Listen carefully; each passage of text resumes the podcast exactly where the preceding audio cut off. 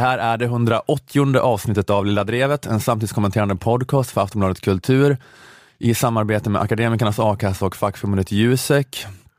Eh, det är dags för duodrev igen för första gången på ett tag. Bara jag, Ola Söderholm och Jonathan Unge här på plats i Malmö musikstudio Killdrevet. den här veckan. Ja, det är bara killarna här. Så nu, nu river vi av det här snabbt, sen kan vi gå ut på stan och fixa lite fitta kanske. Jag har fått ett helt annat självförtroende nu när jag blivit far. Mm. Precis, man växer som människa Ja, ja och eh, verkligen. förstår att Jag eh, har aldrig, jag har aldrig fått så mycket fitta som när jag blev pappa. få perspektiv på de viktiga sakerna. Nej, men det heter inte fitta. Nej, men det heter väl det Jo, om det man menar det. fitta. Ja, det heter så. Man får säga fitta om man menar fitta. Ja, man får inte säga det om man menar, ja, menar att någon är dum eller sånt där. Nej. Jag, eh, du tycker att jag är dum, säg att jag är dum. Säg inte en fitta. nej, precis. Och du ska prata lite om den här kocken som fick tre Michelinstjärnor Ja, den här lite om veckan. det och lite om Culture Gab Fest eh, som är en podd. Som du älskar att hata. Det är lite- Ha- Hatar att älska. Det är lite öppna dörrar, ni har hört det tidigare. Jag har inte förberett mig. Nu kör vi. Mm. Vad har du på, vad har du på hjärtat? Jag försökte eh, tänka konstruktivt lite kring hur vi ska komma vidare i den här klimatdebatten som har varit nu i början av året. Eh, Den här debatten om, om flygets klimatpåverkan mest. Bland annat har jag tagit upp frågan här då i Lilla Drevet, bara för att nämna ett exempel. Eh, Och Försöker jag komma på något annat exempel. nej, Ja. men eh, jag, jag jobbar en liten uppföljning nu. En av höjdpunkterna i senast, senaste tiden, det var i fredags när Niklas Nordström, socialdemokratisk kommunalråd i Luleå och ordförande i intresseorganisationen Svenskt Flyg, var med och debatterade för eller emot klimatforskningen i Studio 1. Trots att flygresandet ökar så minskar utsläppen. Vi vet att flyget medverkar väldigt mycket. Vänta lite Jörgen. Larsson, vi tar det om en alldeles liten stund. vi vet att Miljöforskaren Jörgen Larsson försöker komma in där. Ja. Ursäkta, ursäkta mig. Ja. Så, nej, men det är bara, jag tycker bara att det är så surrealistiskt fenomen, Niklas Nordström, att jag, jag blir helt yr av att tänka på det. Att han är socialdemokratiskt kommunalråd i Luleå och samtidigt då så ljuger han om forskning för pengar i Sveriges Radio.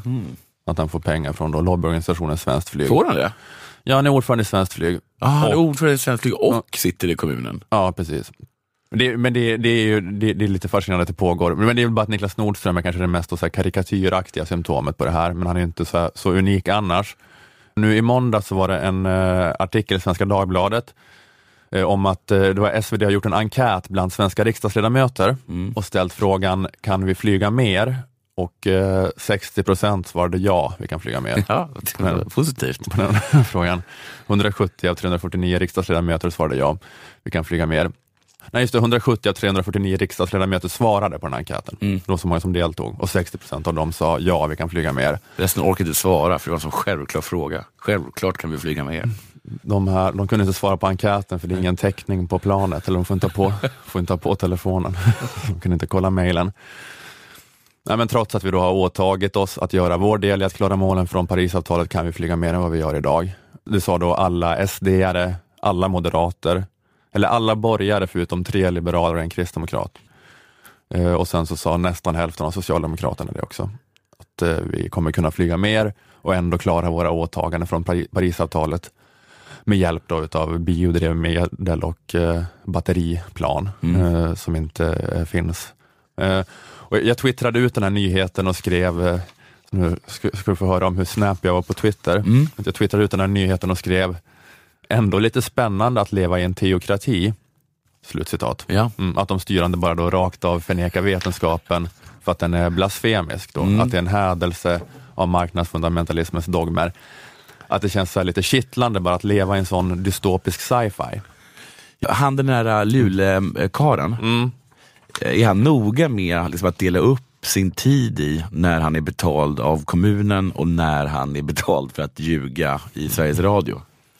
Att han, så här, jag vet inte, att han inte använder kommunens betalda telefon Nej, just att han har, samtidigt som han ljuger i radio. att han har olika telefoner. Han liksom. han, ja. han, har, han har en som han fått från lobbyorganisationen Svenskt Flyg då, som han, Man ljuger i. som han så här, äh, jag vill, vill fråga dig lite grann om eh, om huruvida man kommer kunna flyga mer i framtiden. Okej, kan du ringa upp mig på det här numret Ja, istället då? precis. För att eh, den här telefonen betalas faktiskt med kommunala skattepengar Ja. från Luleå. Så Hur skulle det se ut? Jag satt och ljög i en telefon, be- betalade dem. Jag tror att han ser det i och för sig också som samma sak för att eh, Luleå är väl den stad som inrikesflyget är viktigast för, Mm. utav alla städer i Sverige. Okej. Så att det, han menar att det handlar om utveckling och företagande i Luleå. Ja, det, det, är där, det är därför han ljuger. Tänk få två löner för för att ljuga om flyg. Mm. Men- Många hade ju varit nöjd med en. Ja, precis. I alla fall, jag twittrade ut det här då, att vi lever i en teokrati. Mm. Lite spännande, leva i en sån dystopisk sci-fi. Apropå det här då att 60 procent utav riksdagen eh, förnekar den här forskningen. Denna vetenskapliga konsensus eh, förnekar dem. Men då fick jag ett svar eh, från en, en som följer mig på Twitter då, Mm. som skrev så här till mig, lite spydigt, så här, citat, bara okej att förneka forskning om man är genusvetare. Slutcitat. Okej. Att du fattar att okej, visst, de förnekar forskningen här i riksdagen, men genusvetarna då, Ja, just det. som eh, han kanske då kodar mig som Ja. ni i vänstern eller sånt där. Ni säger ingenting om genusvetarna. Nej. Jag hade precis kollat på ett YouTube-klipp med Jordan, vad heter han? Pettersson. Just det, jag vet, jag vet, jag har sett att hans namn nämns hela tiden.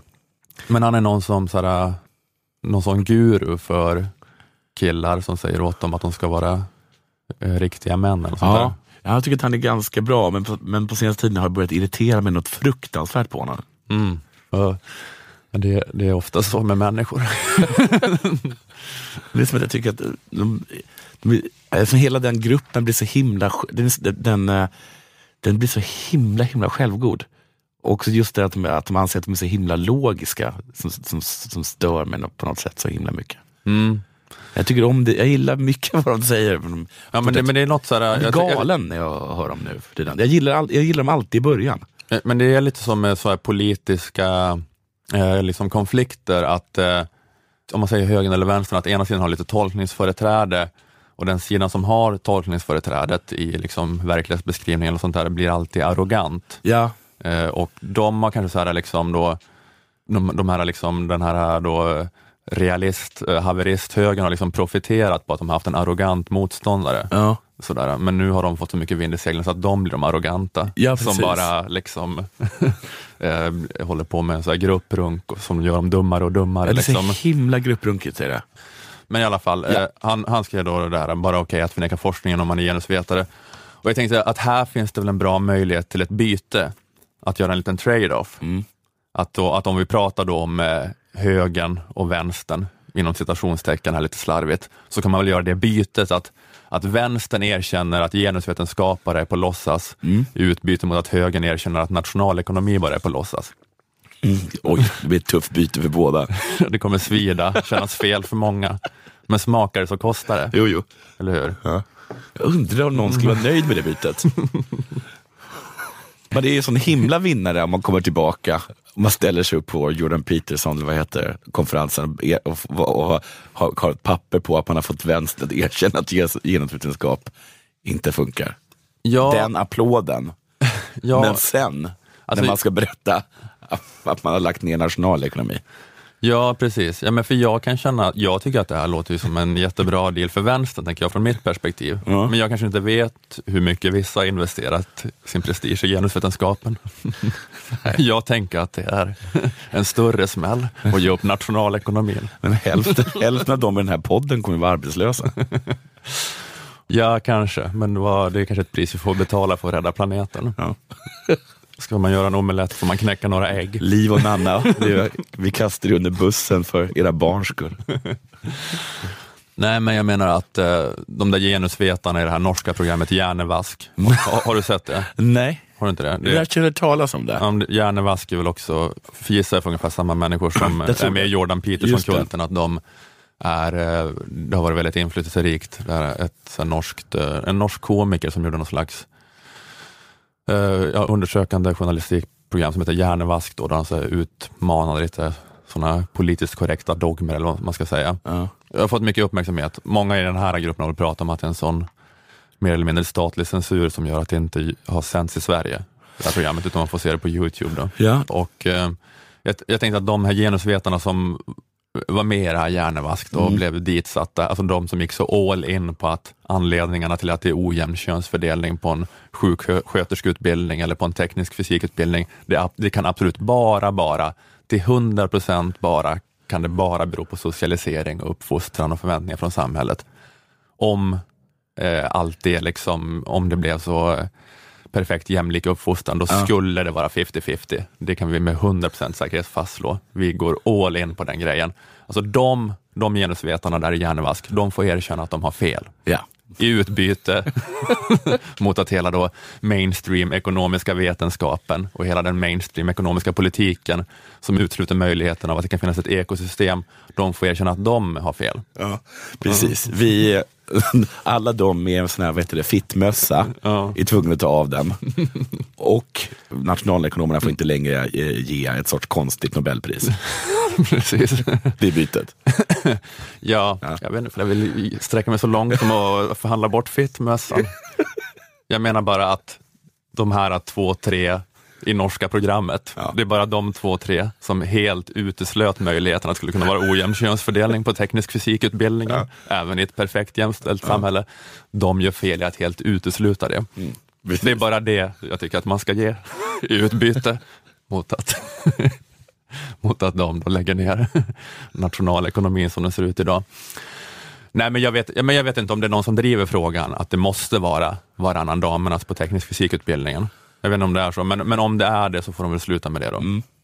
Eh, Och i utbyte så får högern, högern inom citationstecken, erkänna att det här ekonomiska paradigmet som gör att vi bara fortsätter planera för en framtid som inte finns, att det då har kört in i väggen.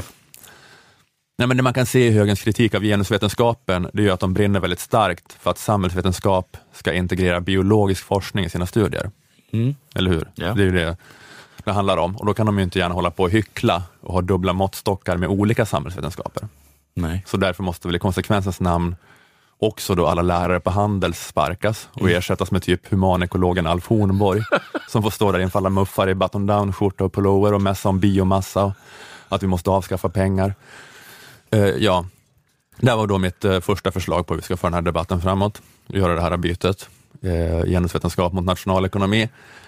Mitt andra förslag på hur debatten om klimatet ska föras framåt är att vi alla måste erkänna att högern har rätt Mm. Inga problem. Alla inom vänstern måste släppa sargen och svälja stoltheten och erkänna att eh, högern har rätt.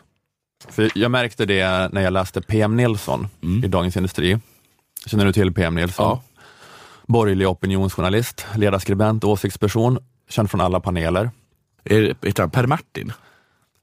Jag tror han heter Peter någonting. Peter Magnus kanske? Som ett ord? Peter Magnus? Det är säkert inte ett dubbelnamn, men kanske att han att istället för att heta Peter Nilsson så tog han sig PM för att ha ett mera utstickande byline-namn. Ja. skulle jag gissa. Jag vet inte. I alla fall, PM Nilsson är politisk redaktör på Dagens Industri Mm. Eh, och han skrev nu i söndags en krönika som han eh, länkade till på Twitter eh, med de här orden. Citat, vad har 350 amerikanska borgmästare gemensamt med svenska miljöpartiet? Jo, de vill förbjuda fossila drivmedel och de har helt rätt. Slutcitat. Coolt. Då vann vi. Ja, han, tar, han tar alltså upp, Eller ni menar jag. vi är ni, ja, Vi- Vilka vann? Jag vet inte. Eh, Men han tar i alla fall upp ett förslag eh, som Miljöpartiet hade i sin klimatplan som de presenterade för förra veckan. Och en punkt i planen var då att sista droppen fossila bränslen ska ha sålts i Sverige 2030. Totalt fossilförbud 2030, Japp.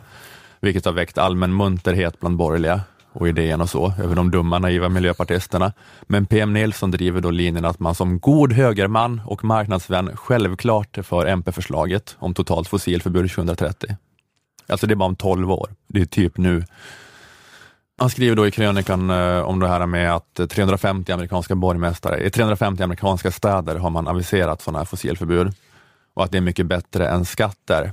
Han skriver citat Moderaterna och Alliansens gröna samvete Centerpartiet borde öka motståndet mot miljösocialismen och anamma den globala trenden med förbud. Slutcitat. Precis Moderaterna och Centern, känner man. Ni kallar er liberaler, men hoppar inte på den här trenden med förbud. Nej men stoppa miljösocialismen, förbjud bensin. Mm.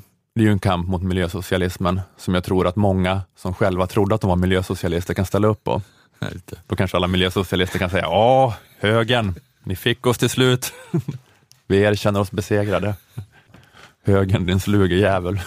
Du var för mycket för oss. Nej, men PPM Nilsson skriver att, eh, eh, att beskattning av fossila bränslen skulle göra att trafikslagen bär sina klimatkostnader är rent bedrägeri. de är inte i närheten av att kompensera för de klimatrisker som tornar upp sig och log- logiken att man ska släppa ut koldioxid för att finansiera skadorna på grund av utsläppen är bisarr. Slutcitat. Men det känns det är också här då, som att han är lite emot den här logiken med ekosystemtjänster och, utsläppsrätt, och utsläppsrätter. Ja. Att det skulle gå så här, eh, att enkelt bedöma och kvantifiera hur mycket man ska betala för en enhet miljöförstörande. Att man så kan sätta ett korrekt pris på naturen och därmed köpa sig fri. För jag hade inte förstått det där heller, nå- någonsin. För att kompensera måste, det betyder att, man, att du betalar för att den skada du gör sen repareras. Eller? Ja, exakt. Jag, jag, Eller bara att du ger en miljömupp pengar. jag vet inte om det är liksom att man då planterar träd eller någonting. Mm. Om man flyger så betalar man för att det ska planteras träd. Ja, och då är det lugnt. Ja, fast det är ju liksom inte lugnt. Det är väl det här, äh, men det finns ju det här med ekosystemtjänster, att jag har hört sådana bisarra radioinslag om det, om det är någon nationalekonom som bara försöker, att de, håller, att de ska hålla på och räkna, så här, nötskrika levererar den här tjänsten för att den så här, gräver ner ekollon i marken. Om vi skulle Just göra det själva så skulle det kosta 15 000 per nötskrika. Så varje nötskrika det. värd 15 000. Det där grejen att sätta ett, ett pris på det. Men det var ett sätt man skulle, som man skulle tala med, eh, med, eh, ja, med högern med på ett sätt. Istället för att säga att, eh, Mm. att den här, om vi inte bygger den här tunneln så kommer ett, visst antal lövgrodor att dö. Så säger man att vi förlorar 120 000 kronor varje månad. För Mm. att lövgrodor, nu gör ju inte de någonting, det ska, det ska, erkännas. Men att de, eh, de, Mm. de, men de fiser eh, luft. Det, det exemplet som alltid används är ju bina. Binas pollinering är Ja, värd just det. å- 800 miljarder dollar. Liksom. Ja. Och om vi ändrar klimatet, så att Pollinera det blir massdöd av bin så måste vi stå, och pensla själv. Men det, men, det, men det är liksom som att det är en del utav det här då det här eh, tänkandet, det här, liksom så här reduktionistiska tunnelseendet, att nu ser vi bara en grej här, det är Ja. binas pollinering, men det, det är som en del utav samma så här, hybris, att man ska kunna kontrollera och sätta ett pris och räkna på naturen på det viset, för att ekosystemtjänsterna, man säger alltid det där exemplet med pensla istället för att bina pollinerar, för att det är relativt enkelt att förstå, men det är så mycket annars med så här, processerna i naturen. Att Ja. det, det är något damm från Sahel som liksom flyger lite över Atlanten och Ja. påverkar liksom hur odlingen går i Nordamerika. Ja, men också Det, det är så mycket sådana processer Ja. åt alla håll, så det är bara en sån det är liksom den här då, Högern skulle kunna säga det, så det kartianska, kontrollera och kvan- kvantifiera, sätta ett pris på naturen, hybrisen, som har, det är det som har skapat problemet. Så tänker man att ännu mer av det ska lösa problemet. Ja, men också man säger, Mm, okej men om alla binen dör så betalar vi bara Stefan, för han går runt och pollinerar. Mm. Men då ingår också Stefans lön att bli uppäten av starar. Precis, exakt. Ja. Han, det inte, han ska inte bara, kan ju inte bara göra ekosystemtjänsten pollinera, utan han måste också hackas till döds av starar. Att annars dör stararna ut. Ja. Och de eh, gör också massa viktiga ekosystemtjänster. Så det, det, är- det är liksom det är så pussel som växer och växer bortom kontroll rätt snabbt. Men så han menar då bara det att det är liksom bättre att eh, förbjuda det som är skadligt, än att bara höja priset på det. Så att då är det bara liksom svälj stoltheten vänstern då och erkänna att högern har rätt. Att eh, det var de som hade rätt till slut. Och nu går vi vidare och förbjuder allting.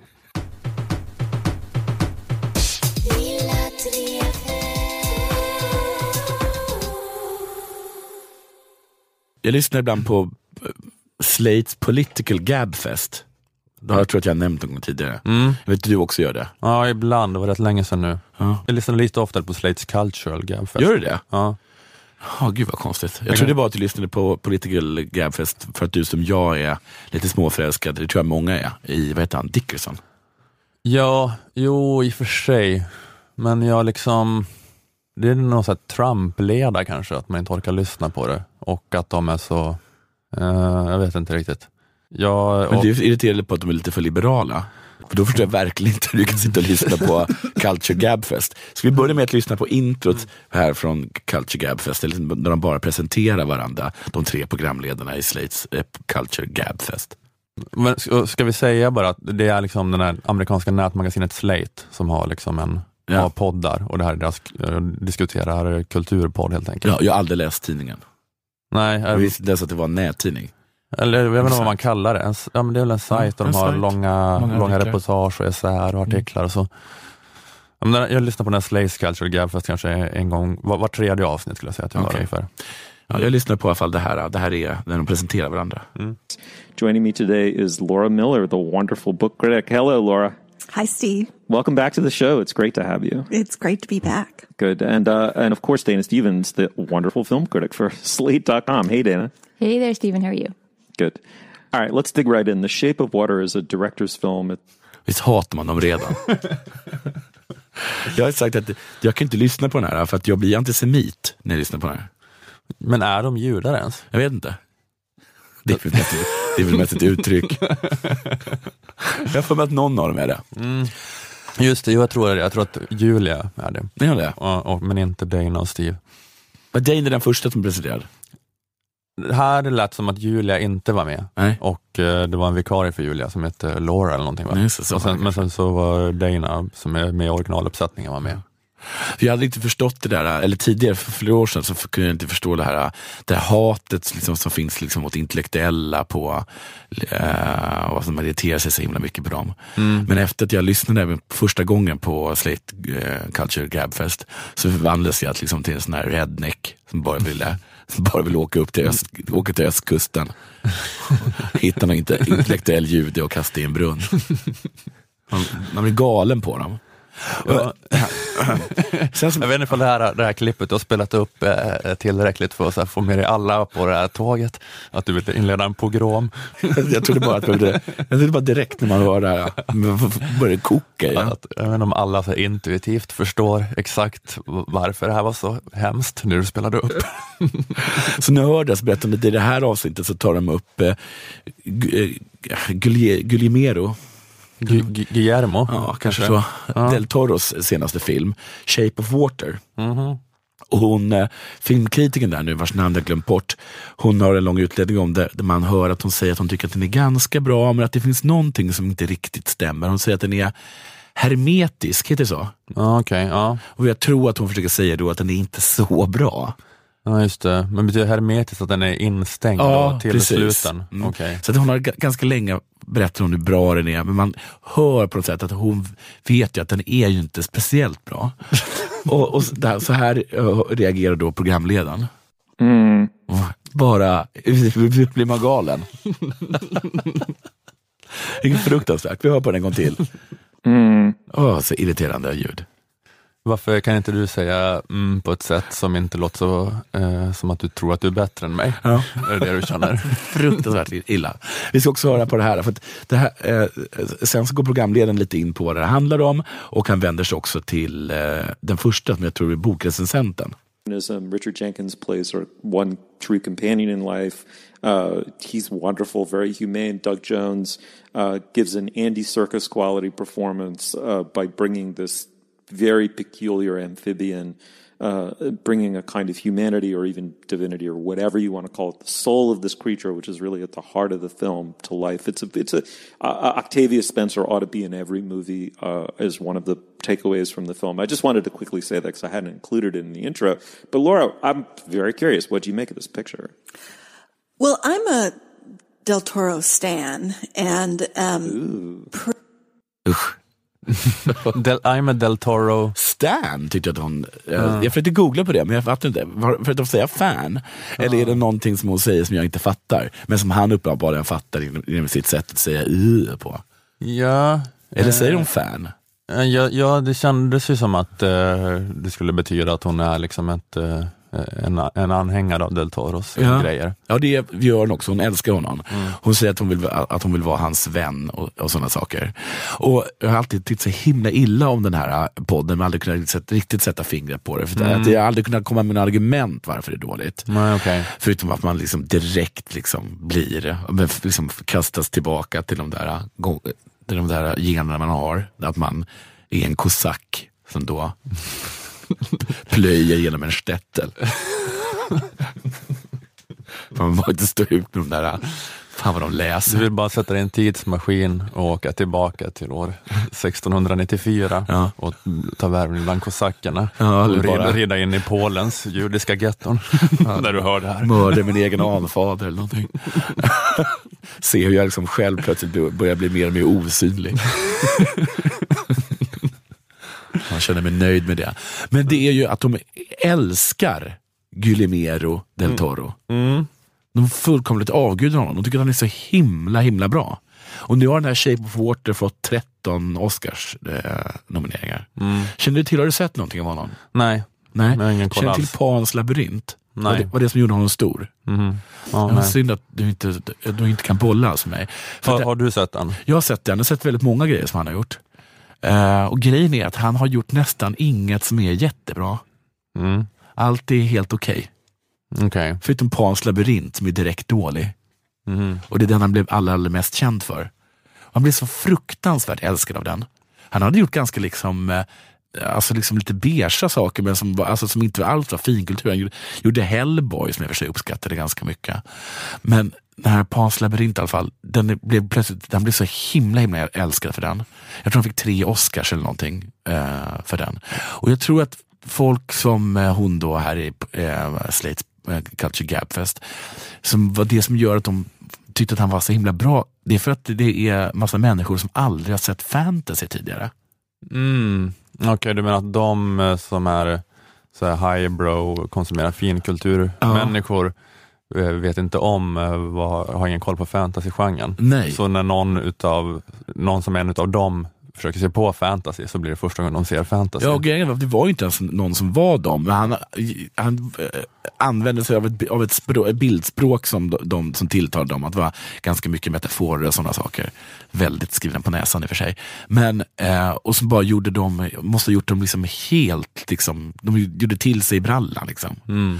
Jag tror det är lite, lite samma sak med människor som, som liksom uppskattar då, jag vet inte, det är kanske en dålig eh, liknelse, men, men då eh, 50 nyanser av grått. Mm. Att det är som att, men har ni aldrig läst porr? Nej, just det. Precis. Ja. Ja, Vad är det som kittlar så himla mycket i den här? Ja men det är ju porr ju. Det är skönt med porr. Mm, mm. Ja, eller så är det människor som gillar tv-serier jättemycket och säger att det är den nya romanen. Ja. Har ni aldrig läst en roman? Nej.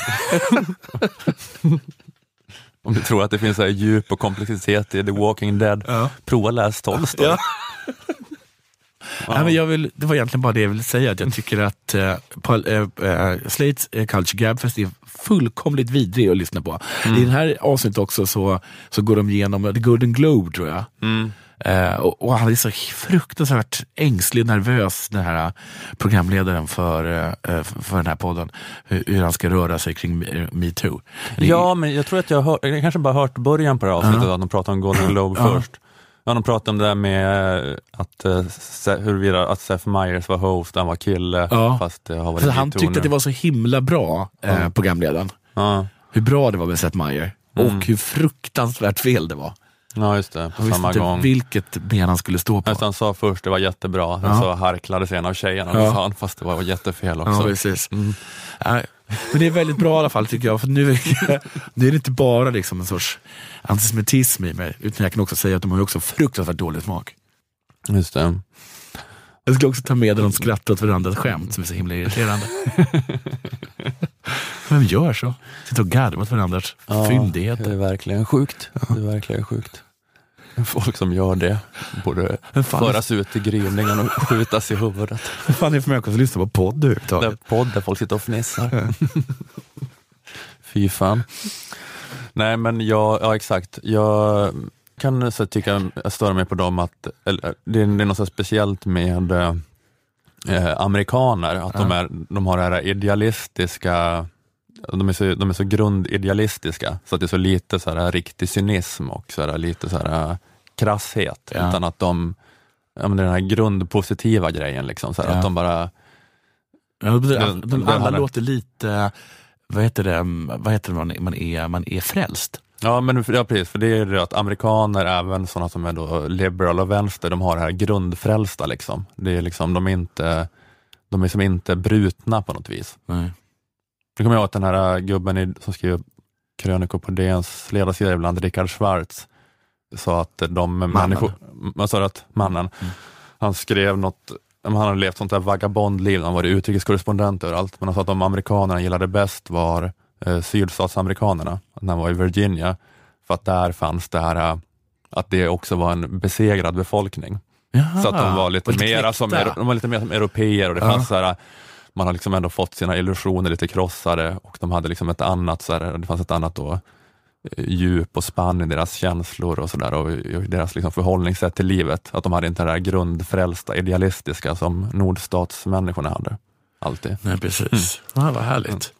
Så att det är, det är precis. Men det kanske skulle vara okej ifall det gjordes en Slates Cultural Gabfest i Virginia. Ja, Att den hade varit mer behaglig att lyssna på och på det de jag viset. höra. Vad, vad heter det, Slates Charleston-avdelning tycker om Shapes of Water? Exakt. Tror jag, att, du hade, jag tror att de hade sagt saker som att hon aldrig sett en fantasyfilm för. Nej, precis. Först hade de så här, äh, skällt ut liksom, filmer för dåliga den här, sen hade de kanske pratat om hur dåliga de själva är. Ja, just det. Men det hade varit mycket, mycket härligare att höra.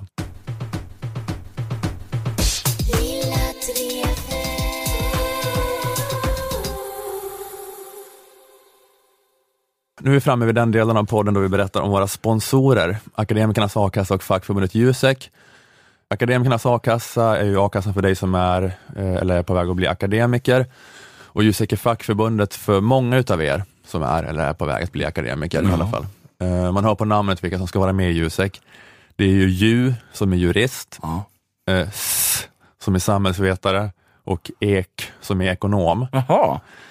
Sen är det också personalvetare, systemvetare och kommunikatörer. De där tre sista får man försöka komma ihåg utan minnesregel. Nej, man får, man får ljuda dem tyst. Eh, Men tillhör du, tillhör du någon av de här sex yrkesgrupperna ska du vara med i fackförbundet Jusek. Att vara med i Akademikernas a-kassa kostar endast 110 kronor i månaden och det ger dig rätt till a-kassa. Alltså att vid arbetslöshet få 80 procent av lönen upp till 25 000 kronor, vilket blir 20 000 kronor då maximalt. På akademikernas.se kan du läsa om hur du gör för att gå med och vilka regler som gäller. Genom att fylla i dina uppgifter i Akademikernas räknare kan du ta reda på vilken a-kassa just du skulle få.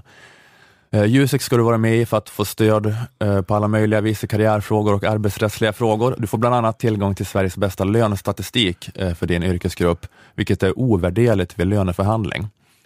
Framförallt får du del av Juseks nästan orimligt generösa inkomstförsäkring som ger dig 80 av lönen upp till 80 000 kronor när du är mellan jobb. Att vara med i Akademikernas och Jusek kostar 361 kronor sammanlagt. Är du redan Akademikernas medlem lägger du alltså bara till 251 kronor för att också få vara med i facket. Du kan också bli studentmedlem i Jusek för bara 100 kronor som en engångssumma. Läs mer på jusek.se student om alla fördelar som kommer med det. Tack så mycket Akademikernas och Jusek.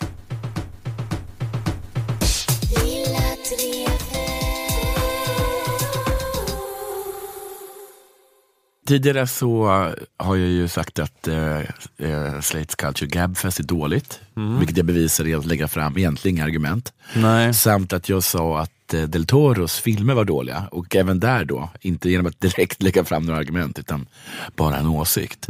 Och nu kommer samma sak igen fast om något helt annat. Eh, låt oss lyssna på detta.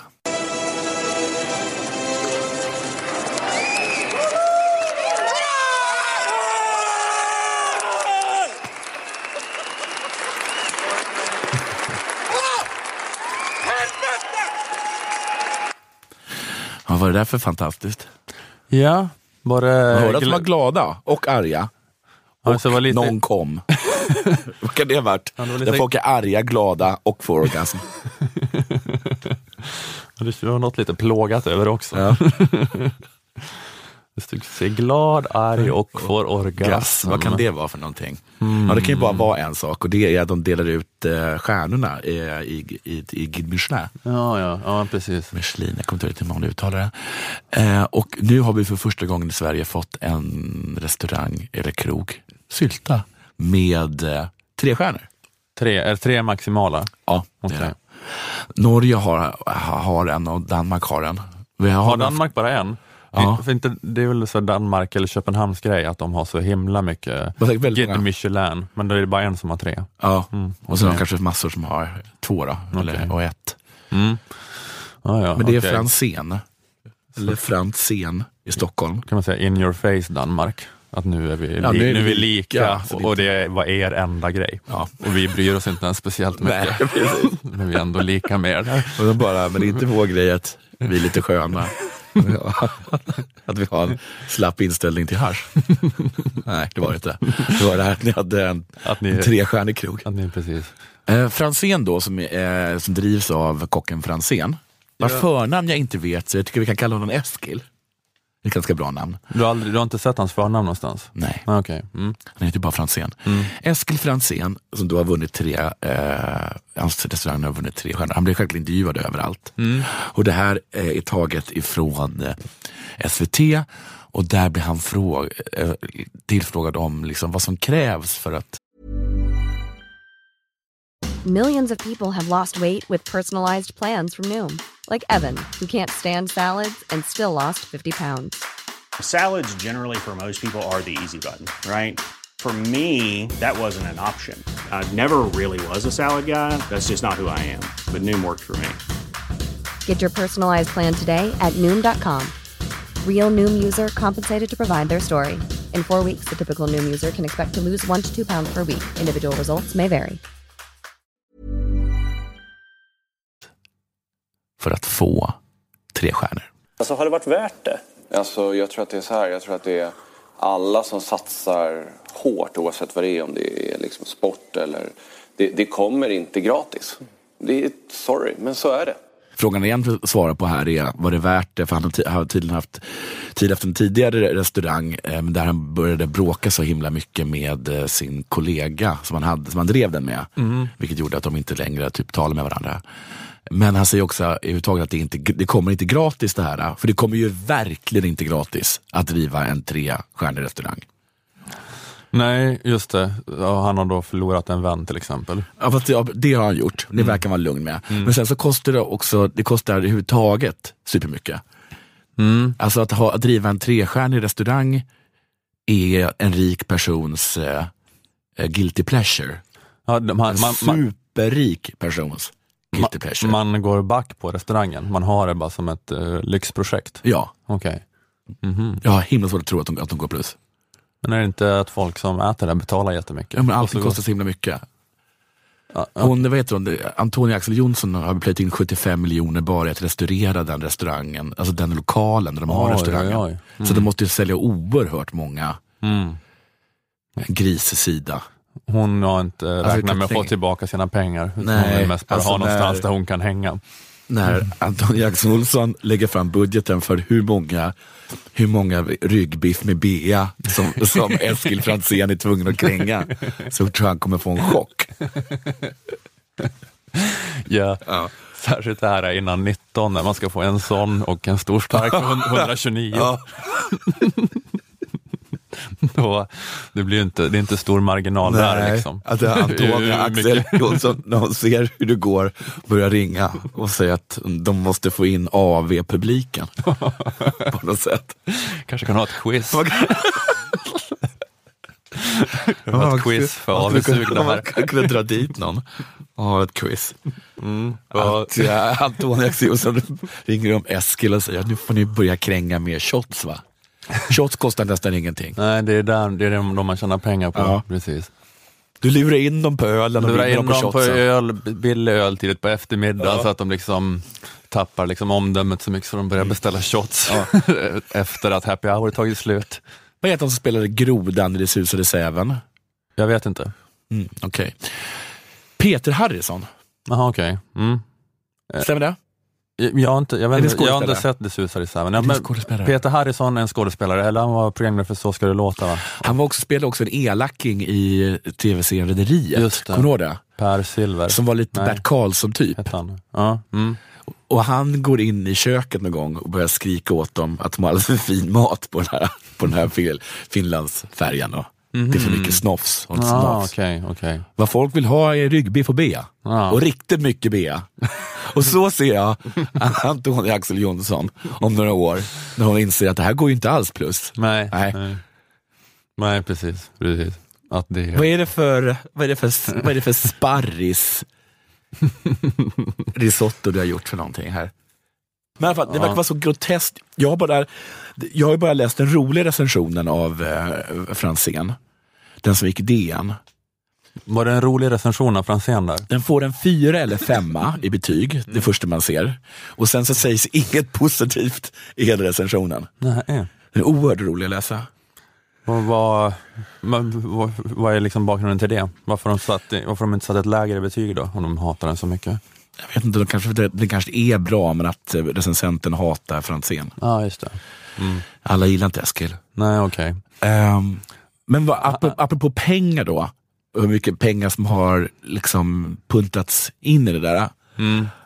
Tas upp då i relationen att det är nästan så att man, att man, att man får en, alltså du får, du får ett ostron med en tryffel, en hel tryffel på. Och så har de, så har de guldblad, bladguld på.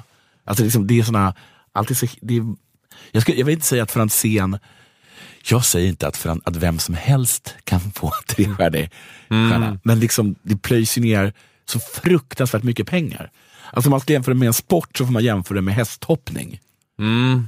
Ja, just det. Att det självklart så är han Peder Fredriksson jättebra. Ja. Men utan att ha en häst som kostar flera miljontals kronor så går det liksom inte. Nej, nej, just det. Det är, det är lite på samma vis som att eh, någon som från Rosengård som bara är beredd att jobba hårt kommer Nej. inte slå sig fram Nej. i, i hästhoppning eller Guide Michelin Nej. branschen. Men det, det är också då att det är så himla, du menar att det är så jäkla dyra råvaror som de köper in? Ja. Att de köper in Ja. bladguld och lägger på Ja, precis. Det var också lite nådastick där att eh, maten där, eh, maten på Franzén har samma inställning till flyg som Sara Skyttedal. Står det det i DN? Nej, jag sa det nu. Okej. Men den är, men den är så att den, det, är som, det, det flygs in från hela världen. Mm, Hela tiden, liksom. Verkar vara en jätte, jättebra restaurang. Ehm, jag ska avsluta med, eh, och som också har med recensionen att göra, är att eh, vid ett tillfälle så kommer en person fram, som självklart då, som de gör på alla lite bättre krogar, och berättar väldigt mycket om vem grisen är och vem, den, vem grisen har likat på Facebook, vilka poddar den lyssnar på. Ja, just det. De kommer Ehm. fram de bara pratar i oändliga om maten. Ja, just det. Vilka Mm. olika sexuella små quirks grisen har. Mm. Jag tror, du har snott den här sketchen från Portlandia. Är det så? Men, Var inte det första avsnittet av Portlandia att de har den grejen att de är så supermedvetna hipsters som vill veta exakt om så- hur, hur hönan, de, eller liksom hur kycklingen de ska ja, ha haft det. just det, så Och handlar det om en sekt. Ja, precis. Till slut, om de får följa med servitören så kör de liksom ut i gården där djuret Som har vuxit upp. Ja, ja, så är det kanske.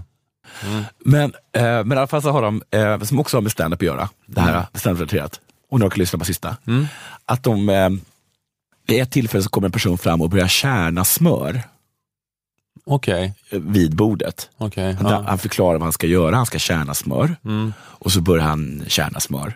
Och man får titta på det då. Och så får titta på, men grejen är att det tar aldrig slut. det håller på i 20 minuter.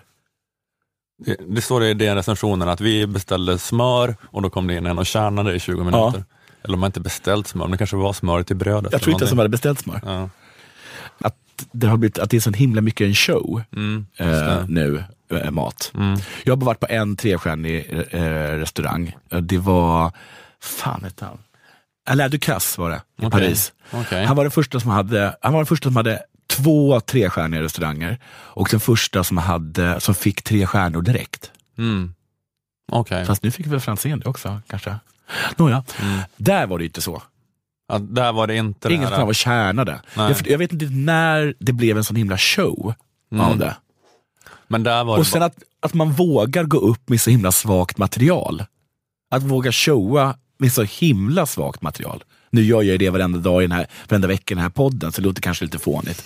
Men, men du har ju ändå andra som är bra runt omkring mig. Men liksom, tänk att gå upp med så himla svagt material att 20 minuter stå och kärna smör. Det är Ja. svårt att få det att rocka. Nej, exakt. Då eh, har man, är man, klart. man är väldigt trygg i sin leverans då. Är jag, jag spelar hem det här pissiga materialet Ja. på något sätt. Det är klart att man kan få gå upp och showa, även i restaurangbranschen. Det finns de där som hackar väldigt fort. Just det. Men det är ju en show. Mm. Jag ställer mig inte, fram, jag ställer mig inte upp på scen och kärnar smör i 20 minuter. Nej, Då får man hålla det kort. Det, det, är så- det, det är så konstigt, jag får liksom ingen grepp om det. Att, vad, men det ska skapa något mervärde liksom, i restaurangupplevelsen, att Ja. man får se en människa. Kärna smöret. Hur känner man smör? Det är att man så här, har då, Man sånt som runkar. ska bli smör i en hink och så håller man på, nej? Ja, det är väl också en sorts runkrörelse, är det inte det? Ja, okej. Så precis en, en person som står och, och torrrunkar framför dig i 20 minuter. Mm, just det. Är det en show? Ja. det är väl kanske en show, men Det är väl, det är ingen bra show. jag tycker inte att du ska ha så här äh, trumpifierad konstsyn och säga att jaha, vad är det här? Det här är väl inte, det här är väl inte en riktig show?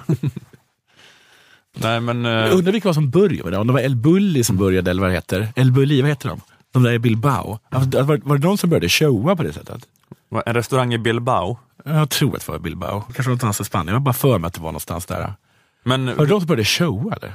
jag, jag, jag, jag har inte hört talas om det med Bilbao, men jag, jag är inte så insatt tillräckligt med cutting edge restauranger, men det blir en större och större grej att det ska vara en show. Ja. Men det är massa så här konstigt, det är inte bara att man får mat, utan det är Nej. liksom någon sån eh, helhetsupplevelse. Jag såg, jag såg på för jag såg något som heter Foodies. Mm. Så var det några som, som kom uppbärandes på den här vet jag, Fäviken, så kommer de uppbärande på ett stort ben.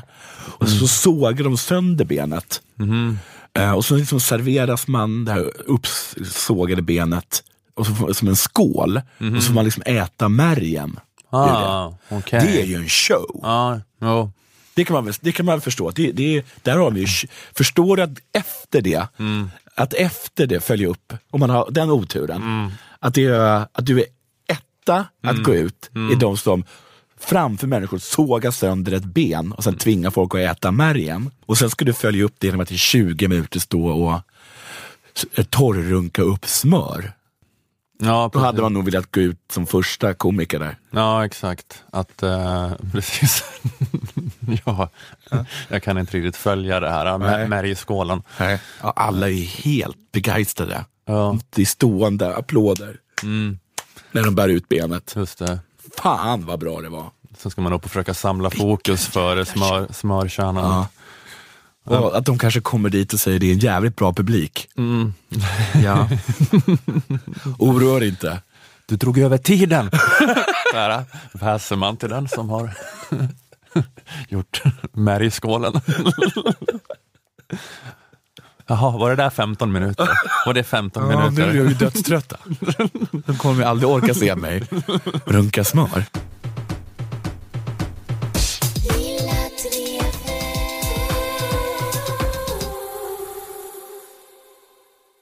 Du ska åka på Sämst-turnén. Ja, jag ska göra klart för Sämst-turnén. Gå Det- gärna in på sems.se och köp eh, ehm, biljetter. Det kommer bli jätteroligt. Det kommer i alla fall bli roligare än 20 minuter smör. Det kommer det. Det kan jag lova. Mm, ja, det låter bra. Ja. Eh, Det här var allt för den här veckan. Vi finns på lilladrevet.se och vi har en Facebook-sida. Eh, Vi säger tack till Aftonbladet Kultur, Akademikernas A-kassa, fackförbundet Jusek, tack till Malmö musikstudio där vi spelade in. Tack eh, Jonathan Unge. Tack. Jag heter Ola Söderholm. Vi hörs igen om en vecka. Hej då! Hej.